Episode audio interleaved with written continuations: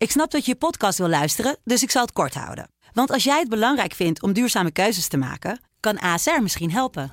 Nou hoor ik je denken, hoe dan?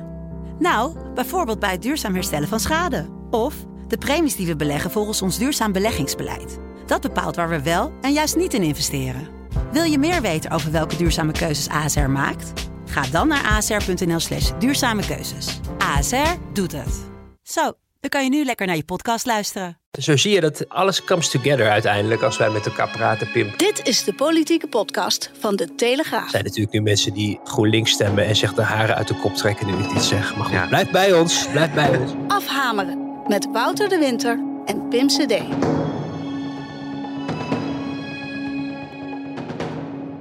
Ja, politiek commentator Wouter Winter zeg ik dan altijd. Ik eh, kijk naar eh, een laptop en ik zie jou zitten in een hotelkamer. Het is zeven over acht ochtends bij jou op Bonaire, Mhm. want jij bent daar gearriveerd voor het werkbezoek, moet ik dan zeggen, eh, aan de... God, dan vergeet ik, vergeet ik nu al bijna. Hoe moet je dat nou ook weer precies zeggen? Zonder dat je het verkeerd Het zegt. is, nou, het is eigenlijk een kennismakingsbezoek van, eh, de, eigenlijk echt in het teken van, eh, van kroonprinses Amalia, de prinses van Oranje, zoals ze officieel heet. Mag geloof ik officieel niet eens kroonprinses eh, zeggen. Het is de prinses van Oranje. En eh, die eh, arriveert hier over, nou, wat zal het zijn, een uurtje of zeven. Ja. Eh, Bonaire tijd. Eh, en eh, dan eh, is het ja, eigenlijk richting de avond voor een twee weken lang onderdompelen in, het Caribisch gebied, de Caribische delen van het Koninkrijk. Dus ze gaan twee dagen naar eh, de landen, dat zijn dan Sint Maarten, Aruba en Curaçao. En één dag per bijzondere gemeente, wat dan Bonaire, Saba en Sint Eustatius is. En al met al met allerlei verplaatsingen, zoals het dan heet. Hè? Dus dat je van het ene naar het andere eiland gaat. Wat, nou ja, we hebben het gisteren even gedaan met de, met de KLM van eh, Aruba naar, ehm, eh, naar, naar Bonaire. Dat was een half uur vliegen. Heel- mijn, kortste, mijn kortste KLM-vlucht ooit. Overigens geen reclame, hè, want Nee, eh, nee, je nee. kan ook met TUI, zag, zagen wij, want die kwamen, kwamen iets na ons eh, ook aan. Maar ehm, nee, eh, eh, en, en nou ja, daar wordt, wordt zeg maar op zijn eh, Caribisch qua, qua tijd, eh, zeg maar, invulling gegeven aan het eh, programma. Dus eh, het is niet. eh, eh, nou, er is, is genoeg ruimte om af en toe ook even een eh, Aruba Aribe te drinken. Oh. eh. Nou ja, ik, zat, ik zeg even trouwens tegen onze luisteraars. We gaan het natuurlijk over dit bezoek hebben. Zeer bijzonder ook voor Amalia, inderdaad. Eh, straks hebben we het ook nog even over Pitocchio. Kwam jij mee op de app? We hebben het natuurlijk over landbouwminister Adema en het eh, pittige debat dat hij deze week eh, had. En jij wil nog specifiek het afscheid van Gert-Jan Segers aanstippen. Wat daar wel heel leuk... Ik ben met een, met een, een, een, een, een kartonnen bord van Gert-Jan Segers op de foto geweest. En ik zei, ja, hoe Ja, is dat hè? Ja, Bucketlist. Bucketlist, eh, ja. Pim. En ik zat al te kijken nee. naar het afscheid en wie er allemaal bij aanwezig waren. Dat was best een indrukwekkende stoet aan eh, politici en andere hoogwaardigheidsbekleders. Nou, zeker. En het, het grappige, jij hebt het nu over dit kartonnen bo- bord. En zo zie je dat alles, alles comes together uiteindelijk als wij met elkaar praten, Pim.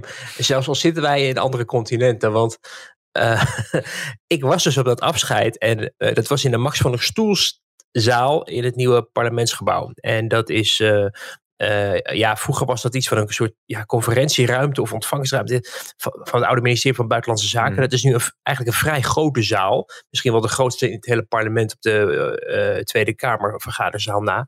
En daar hangt ook, ik denk ook nog vanwege het feit dat het af en toe ook iets van als een conferentiezaal gebruikt wordt, ehm, eh, een, een groot scherm.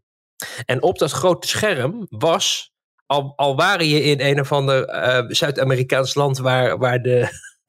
Het sta of Oost-Europees land waar het, eh, waar het staatshoofd verheerlijkt werd. Een enorm portret van Gert-Jan geprojecteerd. Echt enorm. dat je echt dacht van nou, Ja, of hij wordt president van Amerika binnenkort, of, of het scheelt niet veel. Maar goed, ik hem een beetje kennen, denk ik dat hij dat zelf ook wel eh, wat ongemakkelijker vond. Maar goed, ik ben daar dus, ik was ervoor uitgenodigd en ik, ja, toch wel echt ruim tien jaar eh, eh, ook uh, Geert-Jan Segers natuurlijk meegemaakt in de Kamer. Dus ik vind het altijd leuk om dan toch even Ja. iemand eh, de hand te schudden met een klein, eh, een klein eh, eh, aan, aan onze, eh, eh, ja, eh, gezamenlijke, eh, wanneer onze paden kruisten, zeg maar, met elkaar. We hebben een een interview met hem gedaan, wat, wat heel interessant was over, eh, over eh, Turkije. Eh, dus daar had ik iets omheen eh, gefabriceerd en dat had ik aan hem, wilde ik aan hem geven. Maar ik kwam daar dus. Tussen alle notabelen. Dus inderdaad, ik zag Maxime Verhagen, ik zag Jan Paternotte, ik zag Herman Tjenk Willink, ja. Ik zag André Rauwvoet, de voormalige partijleider natuurlijk. die, die zag ik daar allemaal staan. en ik wilde dus in de rij staan. Dat heb ik twee keer geprobeerd. Eén keer stond ik, dacht ik, in de rij. Toen stond Liane Den Haan voor mij. Niet. Die keek achterom en die zei: Ben jij nou aan het voordringen? Oh, en toen nou? bleek er dus achter mij nog een heel cordon met ChristenUnie afscheidnemers te staan. Dus toen dacht ik, ja, nu kan ik of helemaal achteraan aansluiten of gewoon maar laten terugkomen. Dus dat heb ik gedaan. Ben ik later teruggekomen, stond ik weer in de rij.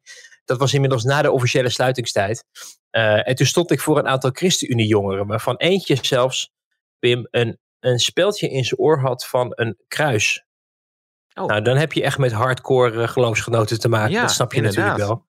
Uh, en, en ik stond er maar te staan. Maar uh, in plaats uh, van dat het een beetje opschoot, het schoot nog steeds niet op. En de ChristenUnie-jongeren hadden het zo gezellig dat ze nog meer ChristenUnie-jongeren hadden uitgenodigd. Die hem ook gingen, die dus wel echt gingen voordringen. Waar is de Jan Den Haan als je dat nodig hebt? en nou ja, toen, toen werd het, duurde het alleen maar nog langer. Dus uiteindelijk heb ik, ben ik er niet meer in geslaagd om Zegers nog persoonlijk. Maar hij heeft me wel oh. gezien, dus ik heb nog even aan hem geappt. En uh, nou, ik denk dat we nog wel eens koffie gaan drinken. Maar uh, het, was, uh, het was bijzonder. En het bijzondere daarbij was, wie stond daar ook natuurlijk op die borrel? Ron Vrezen. Zeker, die, die was heb ik ook gezien. Ja, ik zat te spieken natuurlijk vanaf. wij waren items aan het monteren en ik zag dat allemaal voorbij komen, die hele stoet. Toen zag je alle, alle fine fleur van Den Haag naar binnen lopen. maar mijn oog viel op Piet Adema.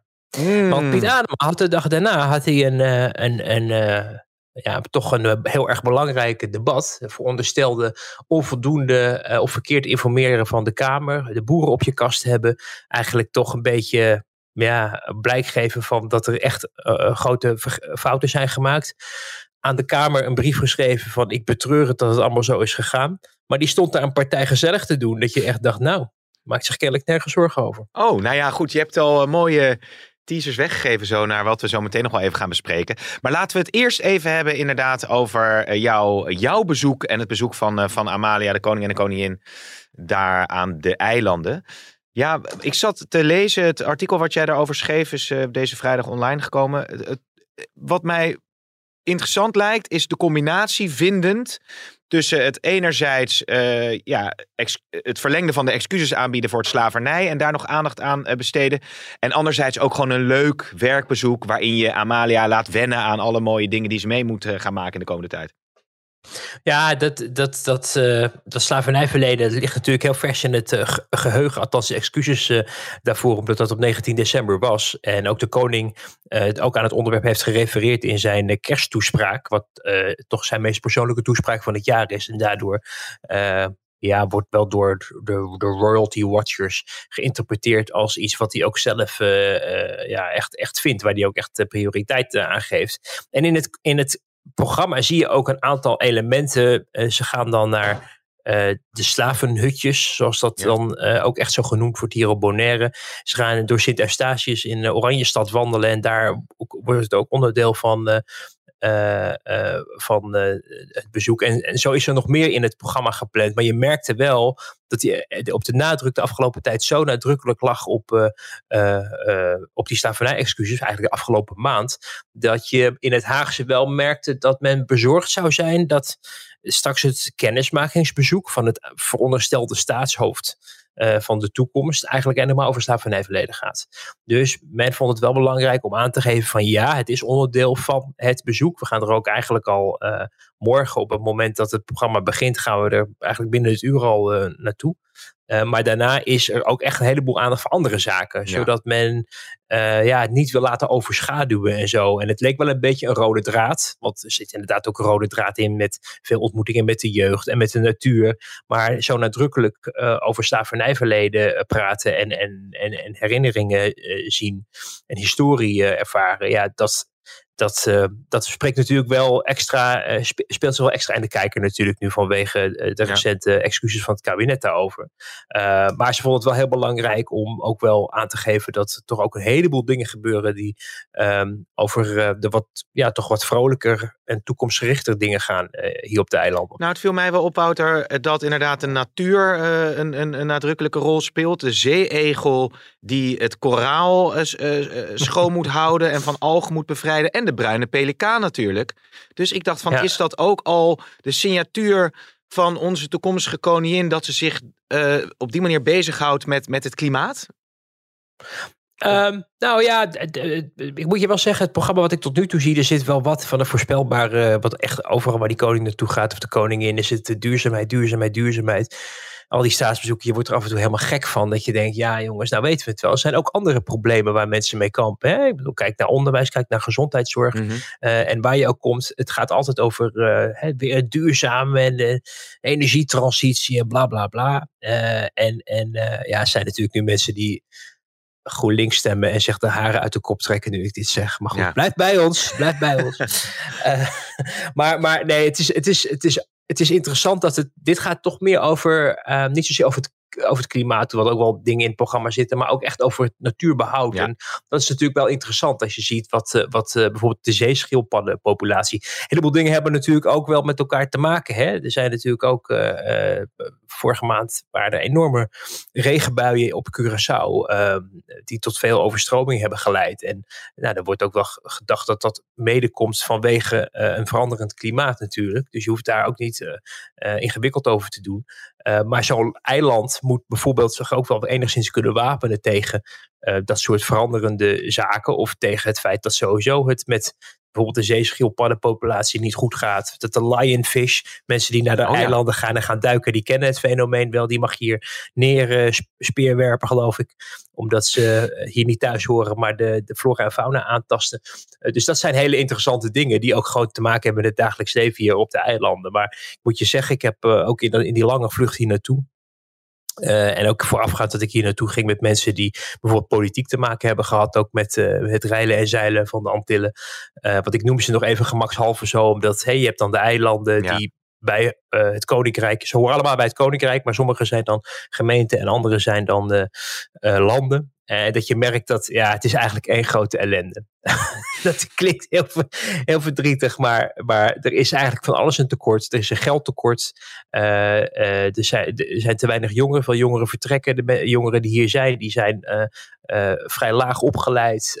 het onderwijs is van slechte kwaliteit. Echt zorg over uh, de, de ziekenhuizen, ze hebben een ziekenhuis gebouwd op een van de eilanden, wat dan een ultramodern ziekenhuis is, maar wat eigenlijk te duur is om opgebracht te worden door de premies die hier betaald worden. Dus er moet geld bij. Wil je het hmm. conformeren aan de standaarden zoals we dat in Nederland of heel belangrijk natuurlijk hier de Amerikanen uh, gewend zijn? Want een heleboel Amerikanen van Aruba, maar ik moeten er zo net ook een paar bij het ontbijtbuffet hier op Bonaire.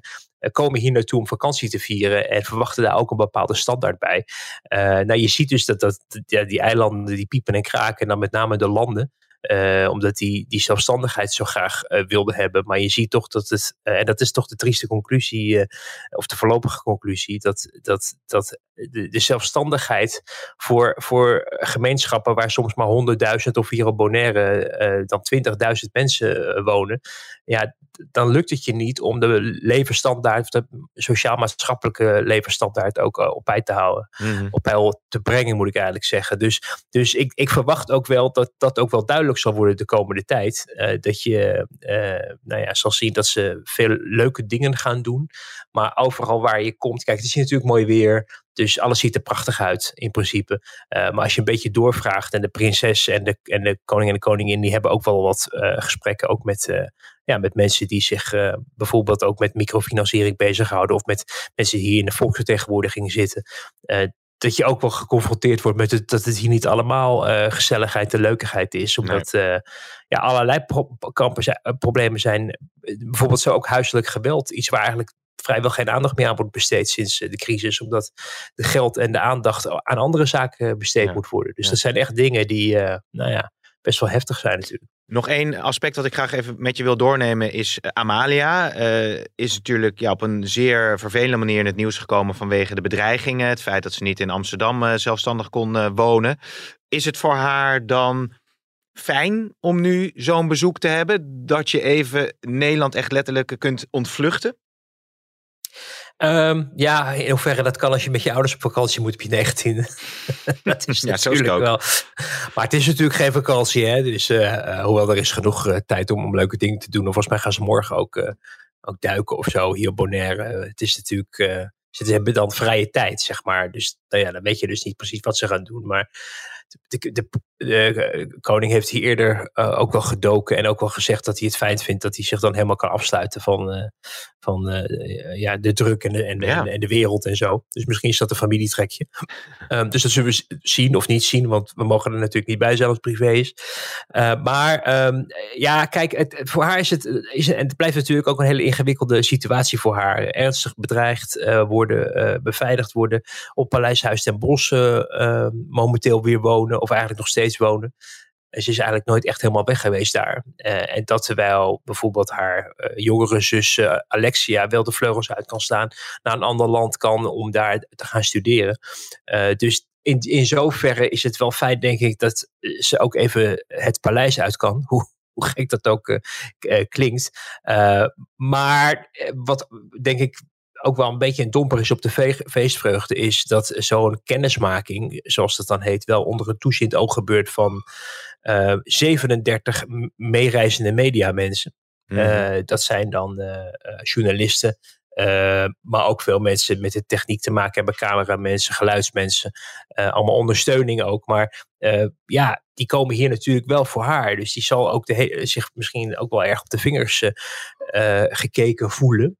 Uh, dus in zoverre is dat ook wel weer lastig. Zeker, ik weet niet hoe jij functioneerde toen je 19 was, Pim. Maar hè, we hadden toen misschien ook wel wat andere dingen aan ons hoofd. En deden ook wat andere dingen. Dus nu al helemaal in dat, in dat uh, kader gepropt worden is misschien ook, uh, ja, ook niet het meest ideale. Maar ja, dat hoort wel bij de taak die zij uh, vooralsnog, voor zover we weten, uit vrije wil aanvaard heeft. Ja. Uh, namelijk uiteindelijk het staatshoofd worden. En dan moet je op een gegeven moment ook wel richting de eilanden, waar je straks ook de koningin over zal zijn. En ze is hier nog nooit geweest. Ook okay. niet privé. Uh, dus dat is wel bijzonder. En dan kan je op je negentiende nou, gezien de taak die je staat te wachten, daar toch misschien maar eens een begin mee maken. Dus ja. wat dat betreft is het ook logisch. Ja, oké, oké. Nou, we volgen, gaan je allemaal volgen. In de krant, op de site. Uh, video's worden er ook gemaakt. Uh, dus dat uh, wordt allemaal zeer interessant. Laten we het over Piet Adema hebben. Hij had een, een pittig debat deze woensdag. Ik ben het zeer met u eens dat een minister ten alle tijde informatieplicht heeft aan de Kamer. Geen enkele discussie erover. En daarom zeg ik ook dat ik met dat signaal richting Kamer een brief had moeten sturen om de Kamer daarover te informeren, zeker naar aanleiding van het debat van 20 december. En daarom bied ik u daarvoor ook mijn verontschuldigingen aan. En dat had natuurlijk alles te maken met het informeren van de Kamer over het uitrijden van mest. Uh, de mogelijkheid leek er te bestaan dat uh, als het om die afbouw ging er toch al wat uitstel was, een overgangsjaar. Maar vanuit Europa werd Nederland stevig op de vingers getikt en moet er waarschijnlijk eerder worden afgebouwd. Ik moest wel lachen, Wouter, ook om jou. We hadden een interview vorige week en je had je column. Jij zit daar heel goed in inmiddels, hè? In mest en plantjes. Ja, ja, echt verbazingwekkend. Maar ook weer, ook weer, uiteindelijk is het ook wel weer te begrijpen als je het een beetje het kaf van het koren scheidt. want als het gaat om, het gaat uiteindelijk om de waterkwaliteit, hè, die, die dan uh, onder druk staat vanwege uh, uh, het mestuitrijden. En dat mag dan daarom niet dicht bij de sloten gebeuren. Nou ja, zie, daar gaan we alweer in de, de diepte in. Maar goed, er zitten allemaal normen in en dat is allemaal, daar weet ik ook de, de, details niet van. Maar waar het uiteindelijk om gaat, is dat dit in dat Nederland weer in een patroon volgens Brussel is beland van wel dingen zeggen te doen, maar uiteindelijk ze toch niet doen met het oog op de gevolgen die dat heeft voor de boerensector. Wat in principe natuurlijk een prettige reflex is en ook op aandringen van de Tweede Kamer gebeurde dat, dat men probeerde op toch iets van een overgangstermijn uh, uh, op een redelijke manier in te laten gaan Terwijl men wist dat men de uitzondering, hè, de derogatie, het, het extra uitrijden van mest vergeleken met andere Europese landen, dat men dat op moest geven. Uh, dus dit ging eigenlijk van oké, we gaan het afbouwtraject, uh, daar conformeren we ons aan, maar we gaan het niet uh, al gelijk nu doen, maar we wachten het een jaar zodat ook de boerensector zich kan voorbereiden en bijvoorbeeld niet bepaalde gewassen al in kan zaaien. Hè, want dat is een proces wat al gebeurt Ja. voordat het 1 januari is. Dat gebeurt al afgelopen jaar. Dus nou ja, het geen wonder dus dat er ook over miljoenen schade wordt gesproken en mogelijke schadevergoedingen en rechtszaken en dat soort zaken. Dus je snapt op zich de handelswijze, snap je wel. Uh, alleen, je moet je tegelijkertijd ervan vergewissen dat Brussel, uh, na al die teleurstellingen die zij hebben ervaren rond afspraken met Nederland, en dan gaat het niet alleen maar over, uh, over mest, ook iets wat overigens al heel lang speelt, maar natuurlijk over stikstof, de pulsvisserij. Hè, je kan het ermee eens zijn of niet, maar uiteindelijk is het wel zo dat Brussel daar een hele bepalende rol in heeft gekregen. En dat je dus als Nederland en het Nederlands kabinet zeker moet weten voor zover dat overigens kan, uh, dat, dat de koers die je vaart niet tot uh, blokkades gaat leiden vanuit uh, Brussel. En het ingewikkelde hierbij is dat Piet Adema toch redelijk eigen gereid een koers heeft gevaren. Zonder daar de boeren, laat staan de Tweede Kamer, bij aan de hand te nemen. En zelfs dus, en daar ging het natuurlijk uiteindelijk om, de merkwaardige gebeurtenis dat er een, een brief komt met waarschuwende woorden uit het Brusselse, die de minister dan niet ziet. Op het moment dat hij een debat heeft en pas na het debat ziet. En um, dan nou ja, leek het er even op alsof de ambtenaren niet hadden opgelet en het de minister niet onder ogen hadden gegeven. Maar ja, staatsrechtelijk doet dat er niet zoveel toe, want op het moment dat het in het bezit is van het departement, is de minister ervoor verantwoordelijk. Hmm. En je zag ook uh, op een gegeven moment, op het moment dat uh, een soort ex excuus, maar het was niet echt een excuusbrief, kwam van Adema van de week. Ik geloof dat het dinsdag was. Hè. We hadden net afhameren volgens mij, ja. uh, afhameren video opgenomen. En nou ja, toen, kwam, toen kwam de brief waarin zei dat hij het betreurt. Nou ja, de gang van zaken betreuren, Pim, je weet. Ja. Ja, het is altijd, het is toch niet van ik bied me verontschuldigd aan of ik heb het verkeerd gedaan. Nee, de gang van zaken betreur je. Nou ja, ik betreur ook dat het gisteren regende toen ik hier aankwam, Pim. Echt Ja, verschrikkelijk ja. was het. Dus, dus, dus weet je, daar heb je niet zoveel aan. En je zag in het debat, was het ineens, ging je er nog even gas op geven. Dus dan was het ineens dat hij zijn excuses ging aanbieden. En dat hij ook zei, ja, ambtenaar valt niks te verwijten. En dan merk je dus dat er ook in de coalitie, of dat van andere partijen komt, of misschien vanuit zijn eigen partij, eh, ook wel een signaal is gekomen van, eh, het is allemaal geen vrij beeld. Je moet wel even iets meer doen. En zeker Ja. niet je ambtenaren de schuld geven Ja. voor deze gang van zaken. Eh, Een aantal aspecten die ik interessant vind. Eén aspect is Europa. Was ook een interview met Caroline van der Plas in de Volkskrant waar ook best wel veel over te doen was. En dan ging het eh, ook met name over hoe kun je nou om Europa heen werken en moet je je nou echt aan Europa houden op het moment dat ze je op de vingers stikken. Er wordt vaak gezegd van ja, eh, eh, eh, verzin dan maar je, je eigen geitenpaadjes, werk er omheen. Ik vroeg me toen af van ja, is Nederland nou het beste jongetje van de klas? Of zijn zij echt in vergelijking met andere EU-landen structurele overtreders, waardoor ze zo streng op de vingers worden getikt? Doen we het dan echt zoveel slechter dan Polen? Nou ja, noem ze maar. Nou, ik denk dat dat een beetje is, eh, afhankelijk is van aan wie je het vraagt.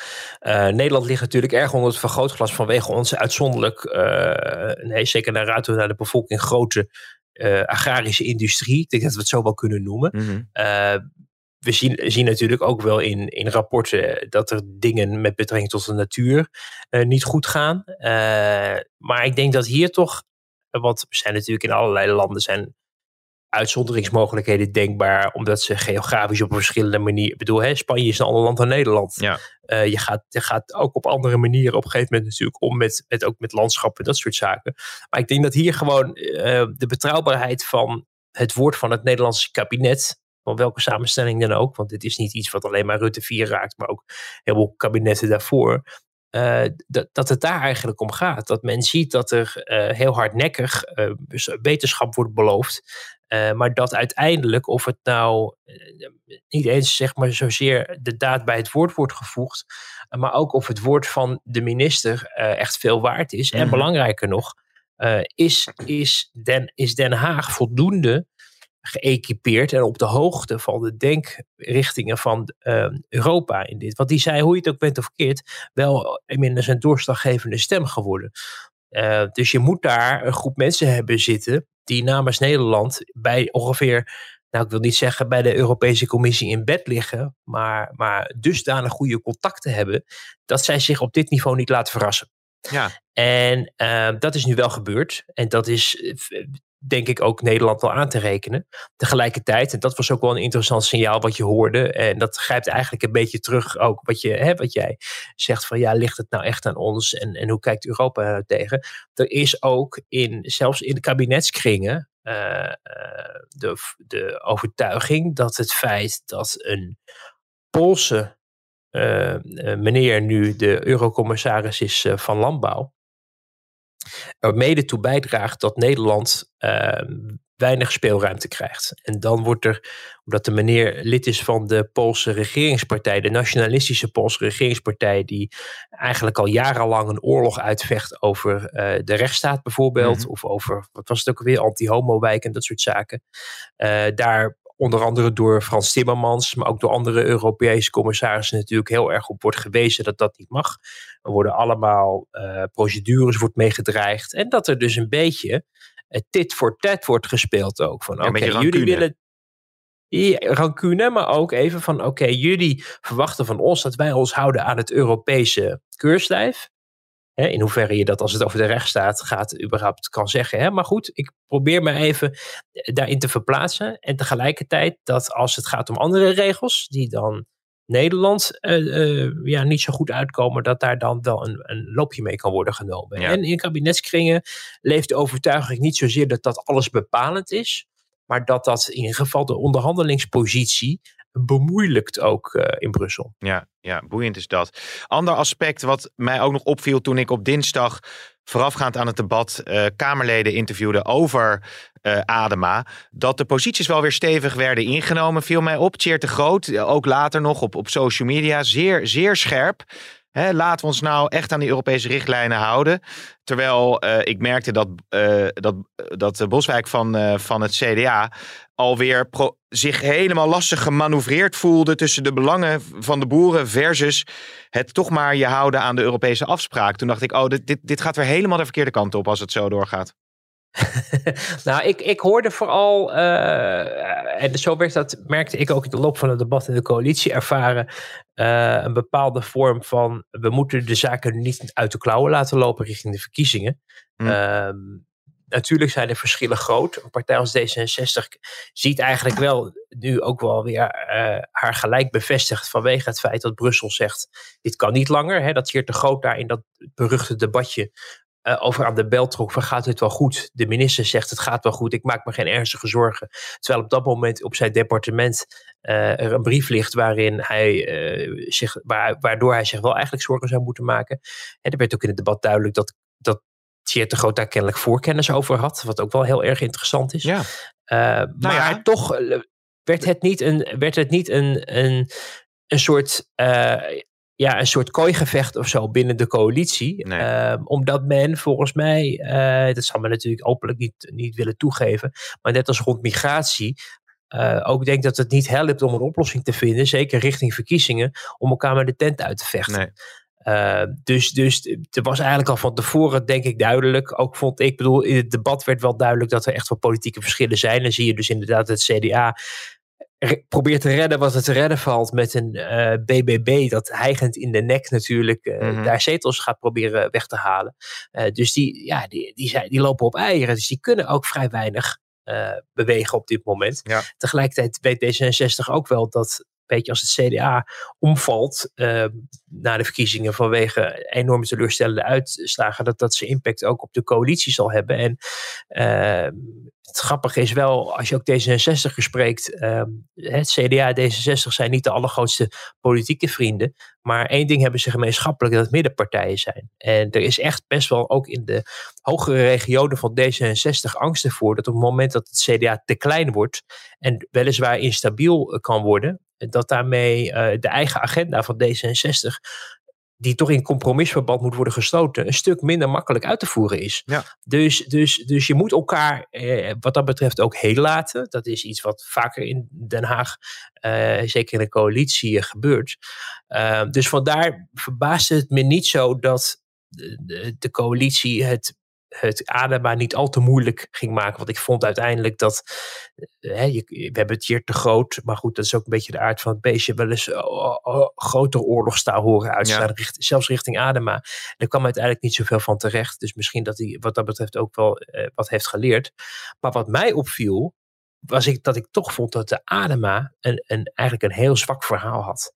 Een weinig overtuigend. Ehm, hij zegt wel van ja, ik, uh, hij erkent vervolgens, ja, ik heb het niet aan de Kamer verteld, want ik wilde geen onrust veroorzaken. Denk ik, ja, maar allemaal goed en wel, maar uiteindelijk is dat niet aan jou. Als een minister gaat redeneren, of een staatssecretaris, van nou, dit is een vervelende boodschap. We weten ook nog niet precies hoe het uitpakt, maar we gokken het erop dat we het stilhouden.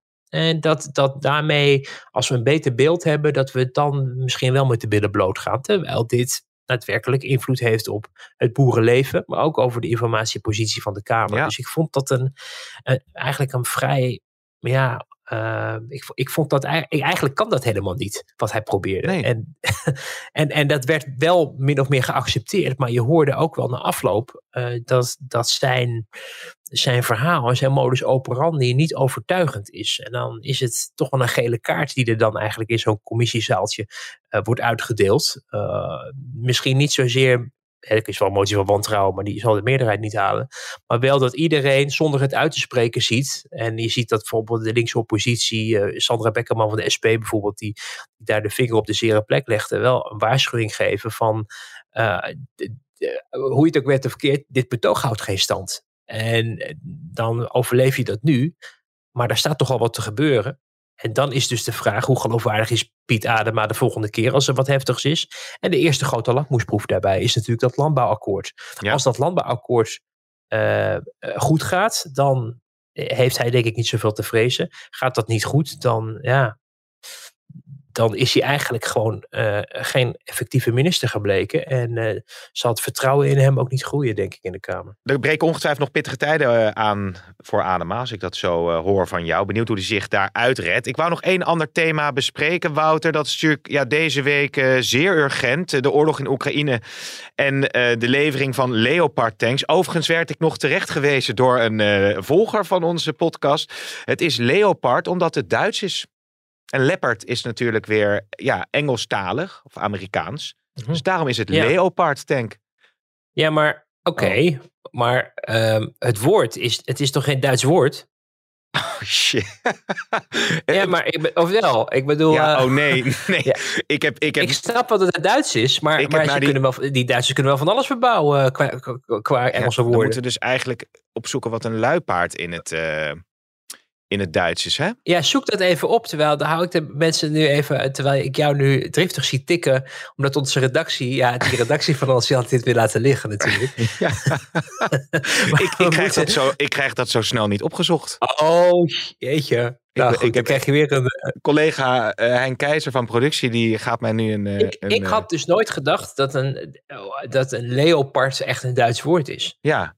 Dus, dus ja, maar goed. Maar goed, uh, dat, leuk, de geheel, vette vraag van de week. Dat geheel terzijde.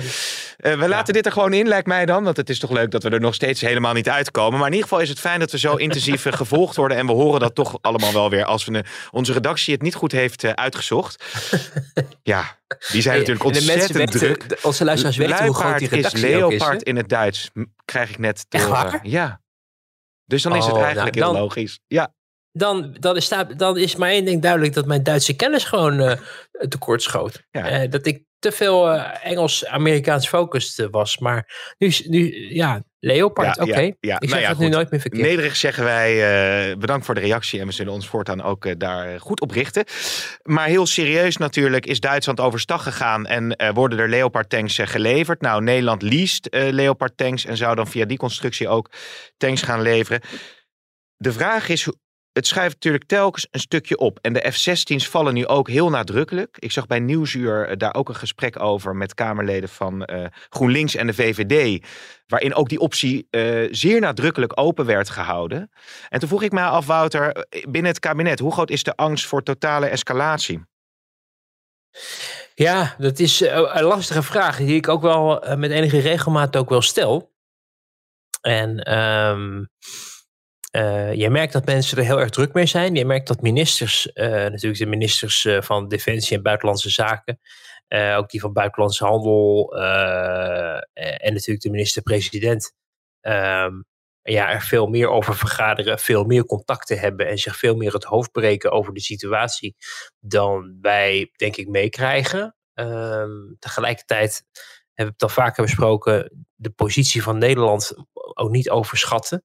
Het is ook niet zo dat Nederland dat even in zijn eentje uitmaakt. Uh, Zo'n visite van, van, van Rutte naar, naar het Witte Huis helpt natuurlijk wel eventjes om op het hoogste niveau ook even ja, in ieder geval mee te kunnen pikken hoe de Amerikanen in de wedstrijd uh, zitten. Uh, en, en ook horen ja, wat zij belangrijk vinden. Ik vond dan zelf wel interessant dat Rutte terugkwam uit het Witte Huis. dat was, ik kan het nu bespreken omdat ehm, de vorige afhameren, die kennis mij nog niet waar was geworden. Maar je hoorde het op die persconferentie. het conflict tussen Europa en, en de VS als het gaat om eventuele staatssteun in het kader van de vergroening. Die Amerikanen zeggen dus kennelijk, ja, hallo, uh, jullie willen dat wij als Amerikanen meer gaan vergroenen. En dan doen jullie dan vervolgens. Doen we dat vervolgens en dan krijgen jullie uh, het op je heup omdat jullie dat staatssteun vinden. Mm Dus dat is dan het Amerikaanse perspectief op dit niveau. Maar dat hoor je alleen maar kennelijk als je in het Witte Huis zit van de president zelf. Dus het grappige is dat, dat, dat uh, of het belangrijke eigenlijk is, is dat als Rutte dus naar uh, Amerika gaat en dus ook over Oekraïne spreekt, dat hij ook veel duidelijker en uit eerste hand ook hoort wat de Amerikanen eigenlijk precies voor ogen hebben. En de, de snelheid waarmee Nederland begon uh, te bewegen met betrekking tot de levering van eh, van die tanks. Eh, het aandringen daar ook achter de schermen op bij, eh, bij Duitsland. Ehm, nu de overwegingen of we dan niet iets van vliegmateriaal die kant op moeten sturen. elke keer zijn het kleine stapjes en uiteindelijk gaat het wel die kant op. Mm Vroeger zou over dat soort besluiten zouden er maanden of jaren gedelibereerd worden. En nu is het vaak een kwestie van weken of soms dagen zelfs. Dus dat gaat heel hard. Uh, dus je ziet dat men zich daar uh, ja, uh, heel erg mee bezighoudt. Ik mis nog steeds een strategie. We hadden het er vorige week wel over. er is misschien ook niet automatisch een strategie op te voeren, omdat het speelveld zo snel verandert ook. Um, maar ik denk een gereden vraag die je ook vanuit de Kamer kan stellen is: waar, waar gaat dit eindigen? Waar, hoe zien we dit verder? Behalve dan dat we zeggen: ja, dit gaat lang duren en. Uh, ik bedoel, alle gevolgen die dat bijvoorbeeld heeft voor, voor de energievoorziening en dat soort zaken. Dat zijn dingen waarvan we nu nog niet veel meer horen dan we moeten Poetin verstaan. Ja. Met z'n allen. En, en nou ja, je hoopt dat dat op een gegeven moment. Ik, ik heb ook niet de wijsheid in pacht hoor. Maar het, dit is, het heeft wel elke keer een beetje de indruk. wekt het de indruk van. Uh, uh, noodgrepen en noodverbanden die worden aangelegd. En dan vraag je, ja, hoe lang, hoe lang is dat houdbaar? Ehm, wat ik wel hoor, is dat men wel uh, als het gaat om de voorspelbaarheid van de, van de Russische president, dat men wel veel vertrouwen heeft in de intelligence positie die er in het Westen bestaat. Uh, om in een redelijke voorspelbaarheid te kunnen verkeren als het gaat om wat zijn volgende move zal zijn. Omdat okay. ze daar gewoon goede bronnen hebben. Okay. Dus dat is dan wel iets dat, ja, mij wel, ik wil niet zeggen geruststelde, maar van wel wat ik dacht van, ja, dat is, uh, uh, dat hoor je natuurlijk namelijk nooit, omdat het allemaal zo vertrouwelijk is. Daarom hoor ik er ook niet heel erg veel over. Maar ja, dat, dat straalde wel op iets uit dat ik denk van nou, het is niet zo dat je totaal geen idee hebt wat de volgende move zal zijn. Maar goed, hou me te goede, want uh, dat is ook garantie tot aan de deur natuurlijk. Ja, nee, duidelijk Wouter. Dat uh, wordt ook allemaal uh, vervolgd. Jij zit daar nog even op de Antillen. Volgende week hebben we de podcast ook nog. waar zit je dan? Volgende week zit ik op Curaçao op deze tijd. Ja. Nou, ik vond... En dan uh, zijn we aan het. Uh, uh, dat is de laatste dag in Curaçao. Dan is een weekendje bijkomen en dan gaan ze naar Sint Maarten.